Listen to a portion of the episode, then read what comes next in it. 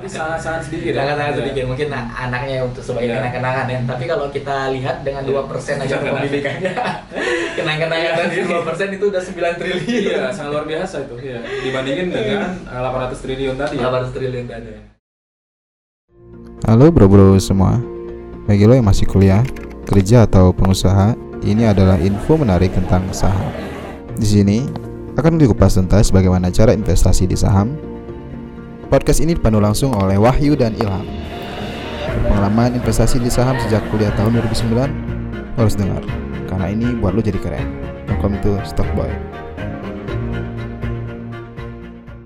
Oke, ketemu lagi ya bersama Stop Top Boy. Boy. Oke, hari ini Bro Ilham Ya, ada hal menarik apa yang mau kita bahas? Aduh, kita kemarin udah ngobrolin banyak lah ya, Bro ya. Mulai dari Iya. apa? Eh, pengenalan Iya. ya tentang saham, terus juga gimana cara supaya lulus semua bisa invest saham gitu Iya. ya. Nah, mungkin ini mau sedikit warming up lah ya, Bro ya. Iya, iya. Misalnya kita coba eh, apa cerita ya, Cerita, dan gimana- sedikit analisis analisis ya, ya. Iya. tentang salah satu perusahaan yang ada di bursa ya, bursa Betul, efek betul. yang mungkin bro-bro harus tahu nih maksudnya lu semua harus tahu kalau beginilah kalau lu invest di saham gitu Iya. kan apa yang bakal uh, teman-teman dapetin gitu kan sehingga uh, saham ini menjadi pilihan investasi teman-teman semua gitu Wah, menarik nih. Saham apakah yang akan kita pilih hari ini? ya teman-teman pasti tahu ini Iya. nggak asing ya Ya nggak asing, nah, salah satu bank terbaik ya terbesar ya. terbaik dan terbesar di Iya. Indonesia saat ini ya Ya, dan valuasi terbesar juga ya. terbesar bahkan katanya Iya. ini melebihi kapitalisasi dari bank Singapura nih Wow, jadi memang Iya. termasuk salah satu bank terbesar di Asia Tenggara juga bro gitu menarik ya. Wah, Ya. Dari Indonesia ya. Iya Dari Indonesia. Indonesia dari Indonesia dan banknya ya mungkin teman-teman tahu dan mungkin salah satu nasabah kan Iya, nasabah ya. nasabah dari teman-teman semua di sini gitu Iya, kan, salah pastilah eksekutif. Esmod ya, eksekutif muda pasti menggunakan BCA ya. Siap, siap. apa nih Ya, Bro. apa nih eh, sahamnya seperti keceplosan tadi. sahamnya adalah Bank Sentral Asia Asia. atau kodenya BBCA ya. BBCA. Ya, ini juga kita tampilin Hmm. eh, screen analisis eh, dari screen view eh, laptop ini ya, Ya. akan kita eh, tampilin Bisa juga. Nanti mungkin bisa teman-teman juga cek YouTube kita ya. Iya Ya, betul betul Ini selain ada di podcast juga ada di YouTube kita ya. Hmm, Eh, hmm. Stock Boy ya YouTube. Yes, stock boy.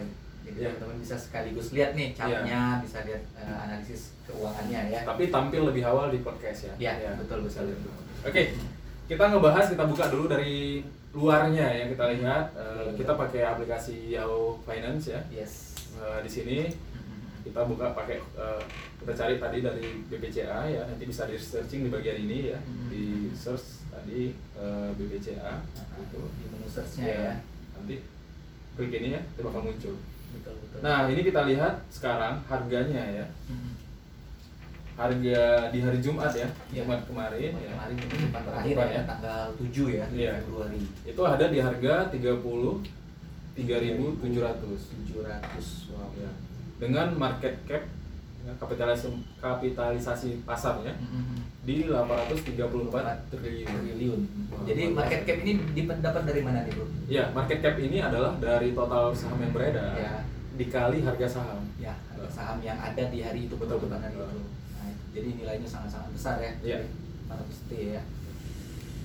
Nah, ini kalau kita lihat ya eh, dari sini eh, transaksi hariannya ya volumenya sampai 16 juta ya. 16 juta. 16 juta. Wah, luar biasa ini sampai liquid. 16 juta. Iya. Liquid. Per hari ya, per hari sampai 16 juta Mhm. orang transaksi ya. Mhm.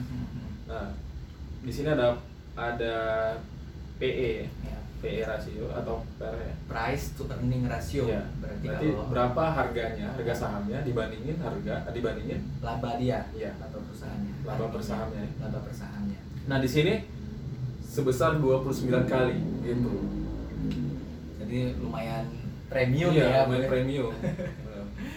Jadi ya gampangnya gini lah bro, maksudnya kalau lo uh, invest misalnya Hmm. kan di harga segitu harga Iya. sekarang ini gitu kan butuh 29 tahun Betul. untuk itu dengan laba tahunan ya Iya. laba tahunannya untuk bisa balik modal berarti memang uh, sudah termasuk saham premium ya Iya. di sini Di sini dengan EPS-nya ya di 1146. Nah, 46. makanya dikali 29 dapatlah harga 33.700 33 ribu sekian tadi ini tadi ya. betul betul betul Hmm. Nah, ini kalau kita bedah dari awalnya udah kelihatan gitu Iya. BCA. Nah eh, mungkin sebelum ke sini kali ya Iya. kita ngebahas dulu apa itu BCA gitu ya. Boleh, Terus apa itu eh, mungkin eh, gimana sejarahnya, terus yang lain ya.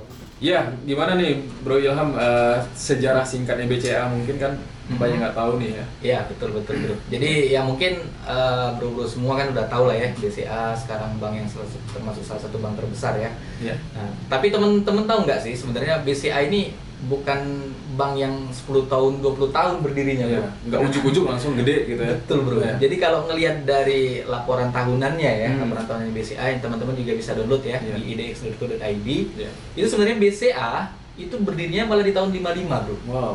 Udah lama ya berarti. Zaman. Udah setengah abad Udah lebih nih setengah bro abad. berarti.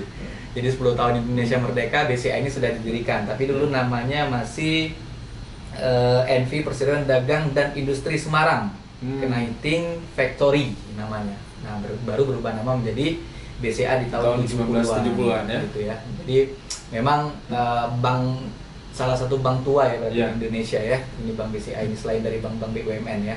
Nah dari sini bro sebenarnya BCA awal mulanya dulu memang dioperasikan sama grup besar yang mungkin bro-bro tahu semua ya eh, Iya. grupnya eh, Pak Salim ya. Iya. Nah, jadi Di awal ya, di awal dulu. Konglomeratnya grup Salim yang Iya. Grupnya Indomie gitu Iya. kan, Indofood gitu dan lain-lain ya, termasuk kalau stas- stasiun TV-nya ada Indosiar Iya. waktu itu. Nah, mereka punya bisnis perbankannya BCA ini Hmm. gitu. Ini salah satu di grupnya Indo tadi gitu. Iya. Nah, kemudian pas tahun krisis moneter ya, Iya. yang besar-besaran tahun Tadi juga diceritain ya. Iya, betul. Tahun 97 98 waktu itu krisis multidimensi lah. Hmm. Hampir semua negara-negara Asia Tenggara itu kena dampak ya. Termasuk yang paling parah ya Indonesia waktu itu, Bro ya. Nah, jadi singkat cerita eh, BCA waktu itu salah satu bank yang tumbang juga, Bro. Hmm. Waktu itu. Nah, di sini kan dijelasin nih 97 98 akhirnya BCA harus di take over nih Hmm. sama BPPN ya, lembaga penyihatan bank waktu itu yang Iya. dibentuk di zamannya eh, Orde Baru ya Iya, dari pemerintah ya. dari pemerintah betul nah sampai akhirnya singkat cerita eh, karena masuk bank penyihatan gitu kan nah pemerintah harus melepas lagi bank tersebut gitu nah baru di tahun 2002 ya Iya. 2002 waktu itu eh, BCA ini diambil alih sama salah satu grup besar juga di Indonesia yang kebetulan memang grup itu mulai jadi raja sebenarnya Hmm. setelah krisis itu ya grup Jarum ya Iya. mungkin teman-teman tahu ya grup Jarum grup rokok salah satu rokok terbesar Hmm. produsen rokok terbesar di Indonesia nah mengambil alih Hmm. eh, saham BCA sebesar 51% 51%. tahun 2002 itu. Nah, mulailah dari sana sebenarnya teman-teman BCA berkembang pesat gitu. Hmm. Dari mulai eh, jumlah cabang, Iya. jumlah ATM gitu kan dan lain-lain ya. Kenapa? Karena kalau kita lihat nih, kita bedah satu-satu teman-teman, mungkin bisa baca juga profil dari masing-masing direksi gitu Iya. kan, profil masing-masing komisaris. Ini orang-orang luar biasa nih di BCA nih, Bro. Kenapa? Karena memang eh, kalau melihat sejarahnya gitu ya, grup Jarum kalau bikin bisnis itu totalitas. Iya. Ya, itu terbukti aja maksudnya foundernya pun gitu kan Hmm. menjadi orang terkaya pertama dan kedua di Indonesia. Iya, satu dua ya. Satu dua si berdua Budi Hartono ya. sama Michael Hartono ya, Iya. dua-duanya nah. Nah, jadi dari sini kita melihat ya memang mereka eh, totalitas maksudnya nggak nggak sekedar ya seperti pengusaha-pengusaha banyak ya pada umumnya cuma goreng-goreng saham Iya. misalnya kan Iya. atau misalnya pengusaha yang merugikan investor kecil gitu dan lain-lain. Nah, mereka ini benar-benar fokus Komitmen. komitmen Iya. untuk mengembangkan perusahaan Bisnisnya. dari sisi eh, pengembangan ini fundamentalnya gitu ya, Bro ya. Nah, itu kurang lebih, Bro. Sejarahnya. kalau kita lihat juga dia Hmm. pertama kali IPO itu tahun 2000 ya. Oh iya, tahun 2000. Tahun 2000 Betul. itu eh, melakukan divestasi sebesar 22,5 persen ya Iya. dari seluruh saham Betul. BCA melalui penawaran Ah. saham publik perdana eh, sehingga kepemilikan BPPN waktu itu berkurang. Berkurang. Itu sebelum diambil alih sama grup Jarum tadi. Iya, Nah, Jarum- jadi Jarum memang atau Varindo Invest, Investment ya. Betul. Ya. Nah, jadi di situ posisinya eh, mereka IPO itu dalam kondisi penyihatan, Hmm. penyihatan bank waktu itu di BPPN ya. Iya. Nah, jadi eh, sudah lepas dari grup Iya. eh, apa? Grup Indo ya waktu itu ya. Betul betul. Tapi kita bisa lihat nih teman-teman kalau teman-teman lihat pemegang sahamnya sekarang itu masih ada namanya Pak Salim tuh Antoni Salim. Iya, masih ada tapi sangat-sangat sedikit ya. Sangat-sangat Iya. sedikit mungkin nah, anaknya untuk sebagai Iya. kenang-kenangan ya. Tapi kalau kita lihat dengan Iya. 2% aja Kenang-kenangan. kepemilikannya. kenang-kenangan tadi 2% itu udah 9 triliun. Iya, sangat luar biasa itu. Iya. Dibandingin dengan eh, 800 triliun tadi ya. 800 triliun tadi ya, gitu seperti itu bro mungkin itu ya kalau dari sejarahnya jadi bank BCA ini bukan bank yang ujung-ujung jadi besar gitu Betul, kan atau betul. bank tiba-tiba yang sekarang populer enggak. Jadi memang milestone-nya memang dari kecil Iya. sempat ada masalah jadi sudah sempat dewasa lah bank ini ya seperti itu. Nah bayangin kalau kita ikut join ya Yes. di tahap awal Ah. gitu, di tahap awal Hmm. ketika perusahaan itu IPO gitu ya. Betul. Nah berapa kita sekarang? Nah ini eh, kalau yang bagi pendengar podcast ya, Ah. kita ini lebih detailnya ada di YouTube kita ya nanti. Iya, betul betul. Ada screen eh, dari laptop kita ya, nah, nanti Ah. kita kita tampilkan gitu. Jadi biar kelihatan gimana sih grafiknya ya. Iya. Terus eh, di sini kita lihat ya grafiknya. Mm. Ini di sini, eh, nah kalau kita lihat grafik ini tahun 2000-an ya. Kalau kita lihat tahun 2000, tahun 2000 ya. Mm-mm. Pertama kali Iya, IPO nih ya. Pertama Bang, kali ya. IPO. Nah ini di tahun 2000-an. Nah ini di 2004 ya. Itu harganya sempat di ini nih 800 ya. 800-an, wow. 869. 800 per lembarnya. Iya per lembarnya. Ini di tahun 2004. Nah bayangin kalau kita terus tahan ya, Iya. tahan, tahan, tahan sampai berapa? Sekarang? Iya, berapa puluh tahun kemudian? Berarti Nah, sekitar 15 tahun. Iya. 15 tahun, 16 tahun sama tahun ini. Iya. Ini menjadi yang tadi terakhir ya, 33.800. 33.000. Berarti kalau kita iniin Hmm. sekitar 10 kali 30 kali ya. Oke. 30. Kalau kalau 10 kali aja udah 8 8.000. Oh. Berarti 30 sekian kali. Iya, 30 sekian. Mau 40 kali, 40 kali. Berarti kebayangnya kalau Iya, iya. invest 100 juta aja udah 4 M berarti jadinya. Iya, luar biasa ya. Habis itu dengan 4M itu ditambah dividen-dividen ya. Dividennya belum. belum bisa lagi ya. Nah, kita tinggal invest 100 juta, itu jadi 4M sekarang, habis itu dividennya Dividennya. eh, dapat dapat benefit dari dividennya luar biasa ya. Belum lagi ditambah kalau kita konsisten tadi kan. Iya, iya. Bahkan sekarang harga dividennya ini eh, kalau kita lihat berapa ya tadi? Mhm. Kalau EPS-nya ada 1000 berarti. Ah. Labanya itu Ah. eh, earning per share-nya. Iya, laba per sahamnya itu 1000. Mhm. Kita dulu investnya 800 rupiah. Iya. Ya itu. Misalnya kita dulu invest di 800, 800, labanya sekarang Sekarang 1000. udah 1000 gitu. Berarti iya kan? Udah cuannya berapa? iya. berarti kita nilai investasi kita itu. Lebih kecil dibanding dividen yang dibagi yang kita Betul. terima. Iya, dari dividennya aja. Dari bukan bukan dari nilai value Dari perusahaannya gitu. Perusahaannya. bukan. Itu ya yang Hmm. yang bukan dari kalau dividennya lebih lebih dari kurang dari 1000. Kurang dari Iya. 1000. Nah, Nanti bisa kita lihat dari RTI juga, tapi ini earning per share-nya ya. persennya Iya. dari labanya ya. Dari labanya. Tapi bisa kita lihat juga di sini ya. Mhm. eh kalau kita mau lihat berapa sih di- dividennya, nanti bisa kita di finan- finansial ya. Mhm. Ini dividen. Ya, dari historical data ya. Hmm. Di sini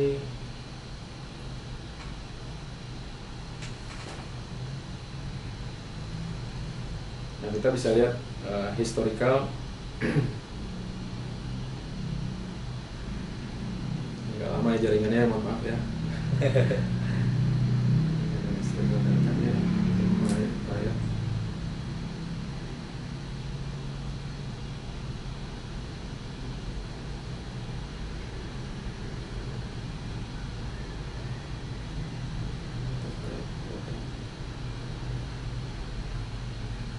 Ya sebenarnya pakai RTI juga lumayan ya.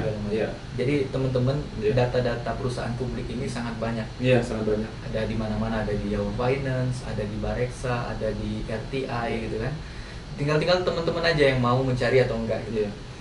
Bahkan di sini ada beberapa yang penulis-penulis yang sudah menganalisis misalnya kan Iya. dan lain-lain. Nah, jadi teman-teman bisa bisa bandingkan itu gitu data-data itu. Jadi menurut saya di era keterbukaan seperti ini ya, Hmm. Mas Wahyu ya, Hmm. kita jangan bayangin zamannya Warren Buffett dulu Iya gitu. betul betul. Nyari informasi harus datang langsung ke perusahaannya, harus tanya manajemen gitu kan, harus memutuskan sendiri gitu kan, dan lain-lain. Zaman sekarang teman-teman tinggal browsing di Google semuanya tersedia gitu. Iya. Nah ini Bro Ilham dapat Ah. dividennya eh, terakhir ya di bulan 5 Ah, di ya Ah. eh, di bulan 12 ya tanggal 5 kemarin 2009 mhm. itu 100 rupiah Wow, per lembarnya ya. Per lembarnya. Kalau misalnya kita invest di angka Iya. 800 tadi, dua kali dia ini tahun dua kali dia oh iya ada dividen interim namanya ya. interim itu di bulan 4 kemarin itu di 255. 255 Totalnya sama 355. 355. Iya, dividend Berarti payout payout payout payout ratio ratio-nya, itu ya- 30%. 30 persen. Iya. Berarti dari laba tadi, Iya. teman-teman yang laba sekian triliun tadi, Iya. yang dibagi hanya 30 persennya. Iya. Itu mestinya. Jadi dari sini menandakan apa? Menandakan bagus nih perusahaan Iya. ini. Kenapa? Karena selain dia bagi dividen, 70 persennya lagi diinvestasikan Iya. ke perusahaannya. Untuk akan- pertumbuhan perusahaannya lagi. pertumbuhan perusahaannya mungkin bisa untuk ekspansi, Iya. bisa untuk membangun sistem, inovasi dan lain-lain. Iya. Nah, next kita lihat ke tadi dari chartnya udah kita lihat ya. Nah, kita lihat laporan keuangan ya. Hmm, hmm. Laporan keuangan di 3-4 tahun terakhir ya. Iya. Kalau kita lihat di sini total revenue dia Hmm. di tahun 2018 nih ya. Hmm, hmm. Itu 64 triliun. triliun. Wow. 2017 di 57 triliun. Triliun. Terus 2016 16 di 54 triliun. Kalau kita lihat di EBITDA-nya di Mhm. sini, di net income-nya ya kita lihat. Mhm. Ini dari 2018 Hmm. itu 20, 25 triliun. Hmm. Terus eh, tahun sebelumnya lagi ya 2017 23 triliun. Hmm. Tahun sebelumnya lagi di 20 Triliun. Berarti luar biasa ya. Eh, maksudnya dari segi total revenue Hmm. dibandingin dengan net income. Hmm. Nah, itu eh, hampir 50 persennya ya. Iya betul. Ini sangat-sangat luar biasa ya. Nah, ini kalau kata Warren Buffett itu wonderful company ini. Hmm. Kenapa ya? Karena memang dia konsisten bertumbuh laba dan penjualannya ya, Iya. laba dan uh, Eh, revenue-nya. re- apa? Ya, revenue. revenue-nya. Jadi setiap tahun itu selalu konsisten uh, naik gitu. Gitu. Nah, oke, terus selanjutnya apalagi nih yang kita analisis? Eh, Supaya ini sebenarnya wajar nggak sih kita beli saham BCA ini Betul. sekarang saat ini Betul, betul. dari Bro Ilham? mungkin bisa kita pakai uh, ada yang namanya rasio harga pasar dibanding harga buku. bro. Hmm. Kita lihat nih, maksudnya kita beli sekarang ini gitu kan, Hmm. berapa kali lipat sih dari ekuitasnya dia gitu ya, Hmm. PBV-nya Iya, kalau iya. istilahnya PBV price to book value-nya. Itu berapa tuh? bro? Ini biasa di RTI ya lebih lengkap ya. Hmm. Eh, RTI.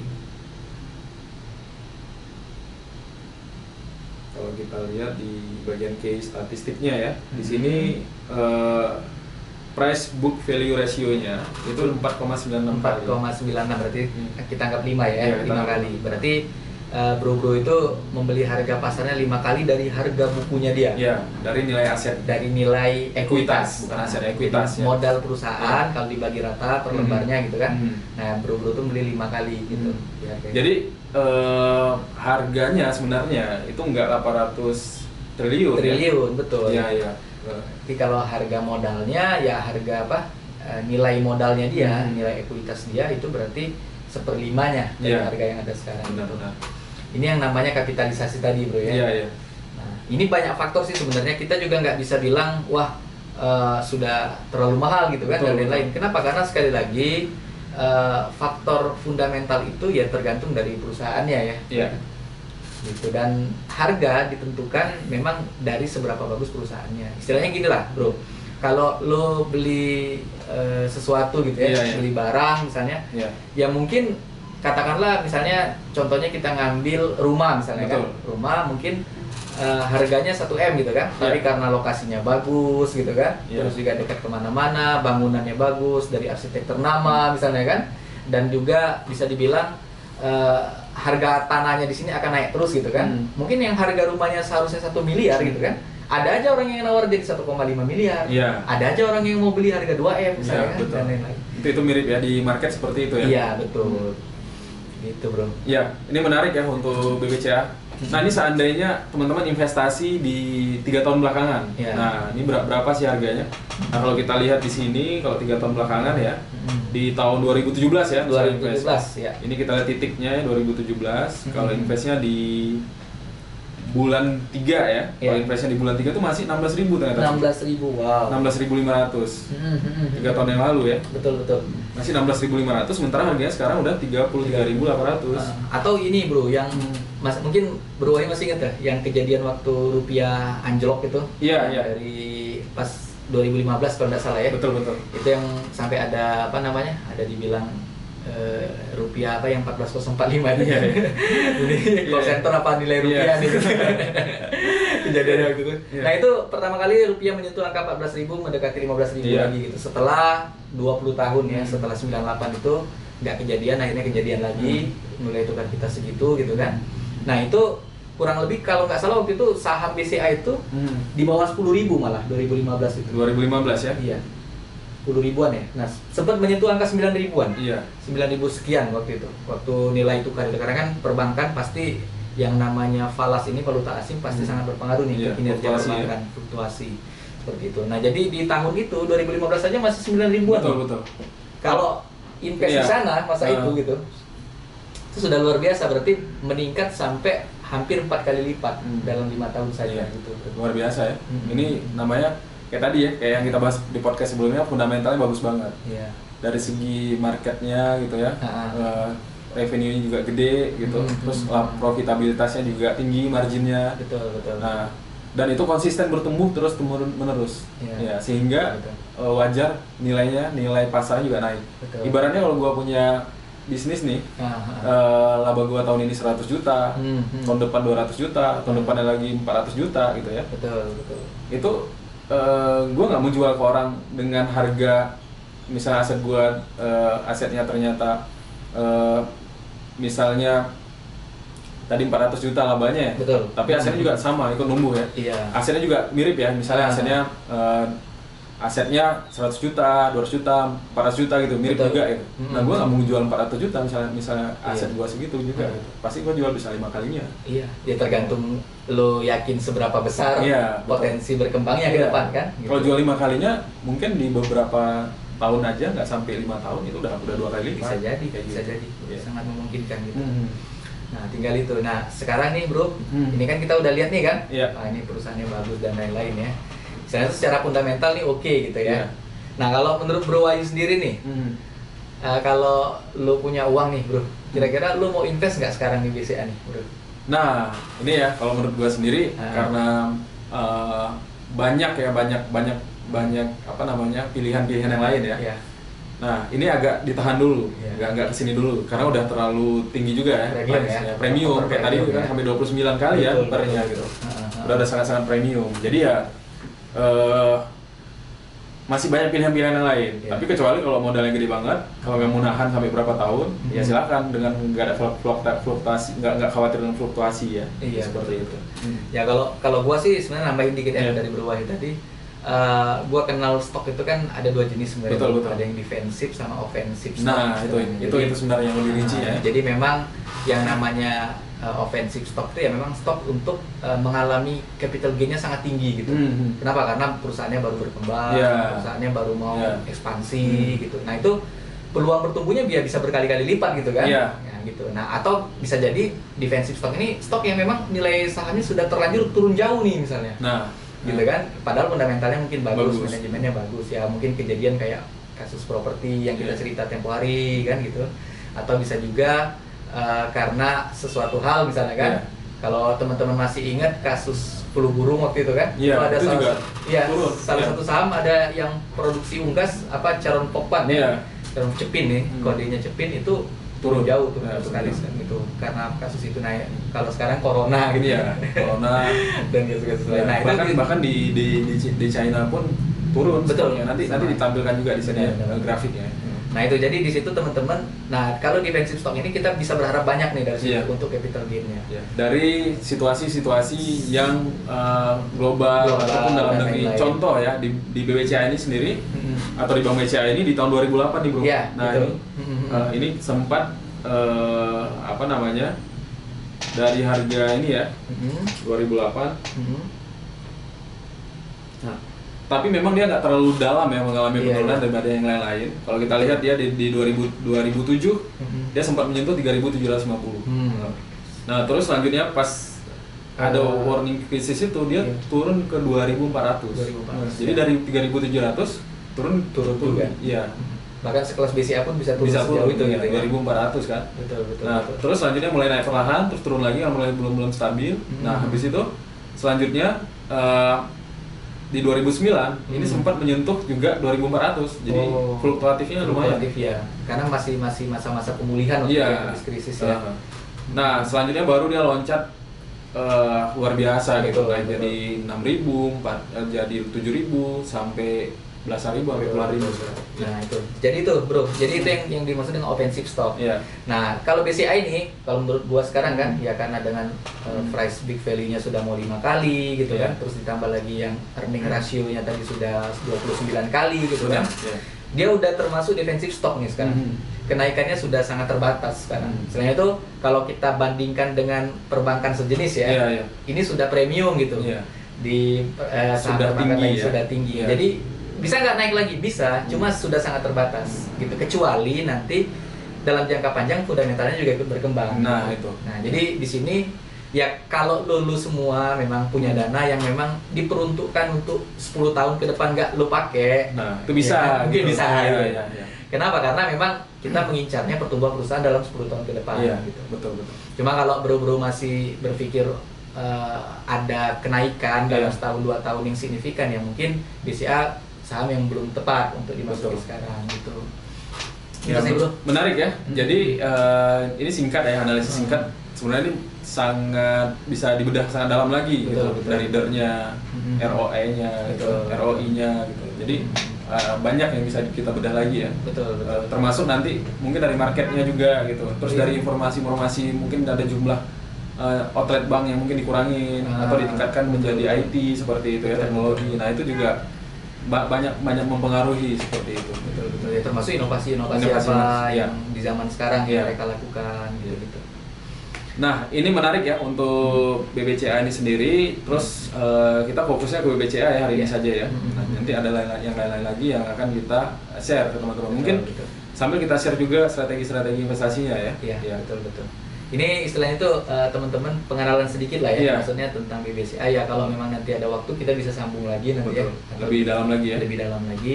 Yang jelas teman-teman pemula di sini Hmm. ya yang baru-baru mau coba invest dan lain-lain, Iya. eh, cobalah invest dari sesuatu yang teman-teman ketahui. Nah, itu Gitu ya. sed- sesederhana mungkin. Sesederhana mungkin. Hmm. Kayak gini nih, kayak BCA gitu kan ya. Iya. Teman-teman tahu, mungkin teman-teman salah satu nasabahnya Iya. atau teman-teman deket rumah ada Bank BCA misalnya. Iya. kan. Nah, jadi sesederhana itu maksudnya Mas Ayu. Oke, gitu Bro. Gimana, Bro? Iya, sangat menarik ya. Jadi kalau saya bayangkan ini ya, gua, gua bayangkan ini di tahun eh, 2010 kalau punya uang, eh, ngelihat grafik fundamental sebelumnya juga bagus, Iya. seperti itu yang bertumbuh terus. Ya udah gua pasti invest ya gitu, Hmm. di, di sini seperti itu. Betul, Nah, betul. sebenarnya untuk pilihan investasi itu banyak banyak sekali yang kita harus bedah di perusahaan di, di bursa efek Indonesia ya. Iya. Nah, eh, 500 sampai 600 perusahaan itu harus kita bedah satu-satu, terus kita lihat fundamentalnya, terus kita bandingin. Terus ada sektor-sektor industrinya juga nih, Bro Ilham. Betul, betul. Ini ini baru dari sek- satu sektor sektor eh, perbankan Perbankan. yang kita ambil, kita angkat satu BBCA. Iya. Nah, di luar ini ada banyak lagi, ada Bank Mandiri, ada, ada Bank BRI. itu fundamentalnya juga bagus. Iya, fundamental juga bagus. BRI itu Hmm. bagus. Iya. juga.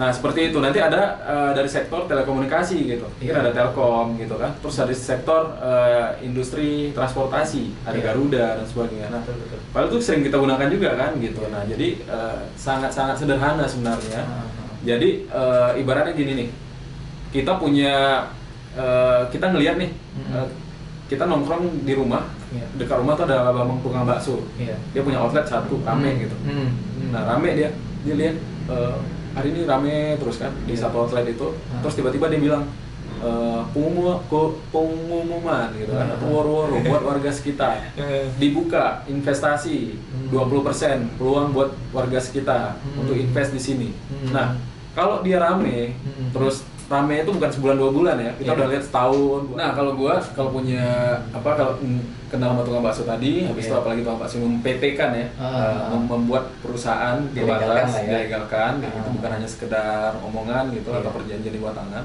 Betul. Tapi di PT kan terus dia selanjutnya mengajak warga sekitar untuk bikin eh, untuk ikut invest juga dan Hmm. tercantum namanya di kepemilikan tersebut. Hmm. Gua pasti ikut.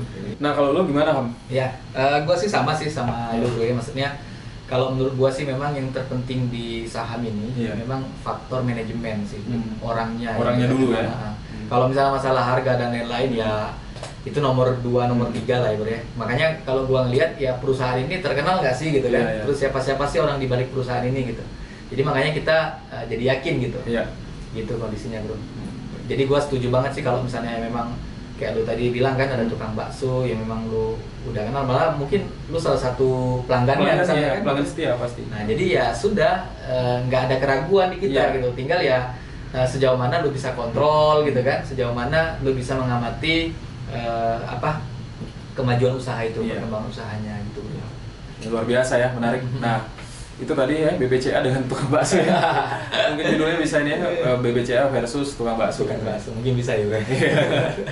kan kita mau relate nih sama eh, apa namanya eh, kebanyakan ya Iya, eh, betul. anak-anak milenial mungkin kayak kita juga pas dengar-dengar ada beberapa apa namanya a- analisis ya Hmm, hmm, hmm. ada beberapa yang ngebuat juga ya Iya. nah itu kita ngeliat kalau kalau kita mungkin nyambung gitu Nah. tapi pas kita dalam perjalanan sehari-hari kita ngejelasin juga pakai lu baca aja di sini baca sini nah kadang-kadang nggak mengerti juga Betul betul betul. Karena mungkin bahasanya bahasa tinggi kan dan Iya. setiap orang backgroundnya keuangan bro. betul betul, betul. Gitu. Ini menarik sih sebenarnya ya. Kita dari dua background yang berbeda sebenarnya. Ini ada Bro Ilham dari eh, apa namanya pegawai. instansi pemerintah.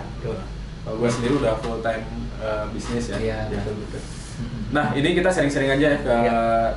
teman-teman semua. Mana tahu Hmm. ada yang backgroundnya seperti kita nih. Ada yang Iya. dari bisnis satu atau ada yang dari pegawai kayak gitu. Jadi kayak gimana sih supaya bisa eh, untuk menghasilkan ya. Betul, betul. Seperti itu. Karena memang background investor ini nggak ngelihat eh, apa kerjaannya ya, Iya, iya. nggak ngelihat profesi lu apa, yang penting Hmm. lu punya keinginan gitu kan, lu Hmm. punya ini ya sekecil apa pun modalnya gitu. Iya. Mungkin nanti di podcast berikutnya kita coba bahas lah nanti ya. Betul, Salah betul, Satu betul. ya ada nggak sih orang yang eh, pekerja misalnya jadi triliuner gitu kan? Oh, ada, ada, ada, ada, ada. Oke, jadi nggak semua background Betul. ekobisnis Hmm. yang jadi triliuner gitu Iya. di saham gitu. Iya. Menarik ya. Iya. Ya, Ini makin kita bongkar makin apa mungkin bisa satu hari bisa sampai malam. ya. Seperti banyak banget yang mau kita ceritain ya. Iya, Tapi iya. memang harus kita part-part ya, Iya. per per per beberapa eh, menit gitu ya. Nah, Nah ini harapannya kalau ada komen, ada saran buat eh, konten ke depan apa, Iya. silahkan ya buat eh, mhm. pendengar atau penonton Stockboy ini Iya. ya sehingga kita lebih eh, kami bisa belajar lagi juga Hmm. untuk menyampaikan lebih baik Betul. terus dari teman-teman juga bisa menyampaikan apa yang mau kita akan angkat berikutnya Iya. seperti itu Betul betul. nah ini sangat menarik eh, dan ya mungkin kalau Indonesia makin maju nanti jumlah investor juga makin Oh iya, tinggi betul. itu di saat itu momentum itu mungkin harga-harga saham udah nggak segini lagi ya Iya. bayangin kayak BCA tadi udah 30 ribuan mungkin next bisa 300 ribuan Bisa jadi atau bro. ya atau bisa berapa gitu. Nah, Hmm. tapi ini semua yang kita buat hari ini seperti yang kita di awal Iya. bahwa ini disclaimer ya. Iya. Ya, kita juga nggak memegang posisi saham ini BCA, BCA. kita nggak- nggak lagi Kita pegang. ya, kita hanya menganalisis saja ini sebagai cerita singkat ya. Iya. Kita memegang ada beberapa saham lain ya. Iya. Nggak di BCA karena ada tipe-tipe tipe-tipe investor tuh, Bro. Iya. Nanti mungkin akan kita bahas ya. Betul betul betul. Ada yang memang agresif gitu, defensif gitu kan. Hmm. Ada banyak tipe-tipe. Nah, tergantung pribadinya dulu gitu. Mau Betul. mau mau mau agresif mau apa. Iya, iya. Kalau gue sendiri agresif bro. gitu. Hmm. Jadi kalau ngelihat wah ini ada momentum kayak kayak Cleo tadi ya. Iya iya betul. Itu sih. Ya. Oke demikian ya. Oke. Eh, salam sukses buat semuanya. Hmm. Terus berkembang, uangnya pun terus bertumbuh ya. salam sukses dari kita. Iya. Ya, salam, Stock Boy.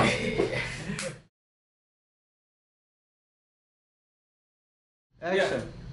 Ya mungkin sebelum kita lanjut ya, kita sebelum ngebahas saham ini ya, Siap, kita mau siap. disclaimer dulu. Apa tuh disclaimernya? Iya, oke ya. eh, bagi teman-teman pendengar podcast ini ya, Iya. kita memang akan eh, mungkin untuk ke depan juga ya. Bang ya. eh, kita akan bahas eh, emiten gitu kan dan Betul. lain-lain. Tapi yakinlah, setiap kali emiten yang kita bahas ya, itu dalam artian kita dalam posisi yang tidak memegang emiten Iya. itu.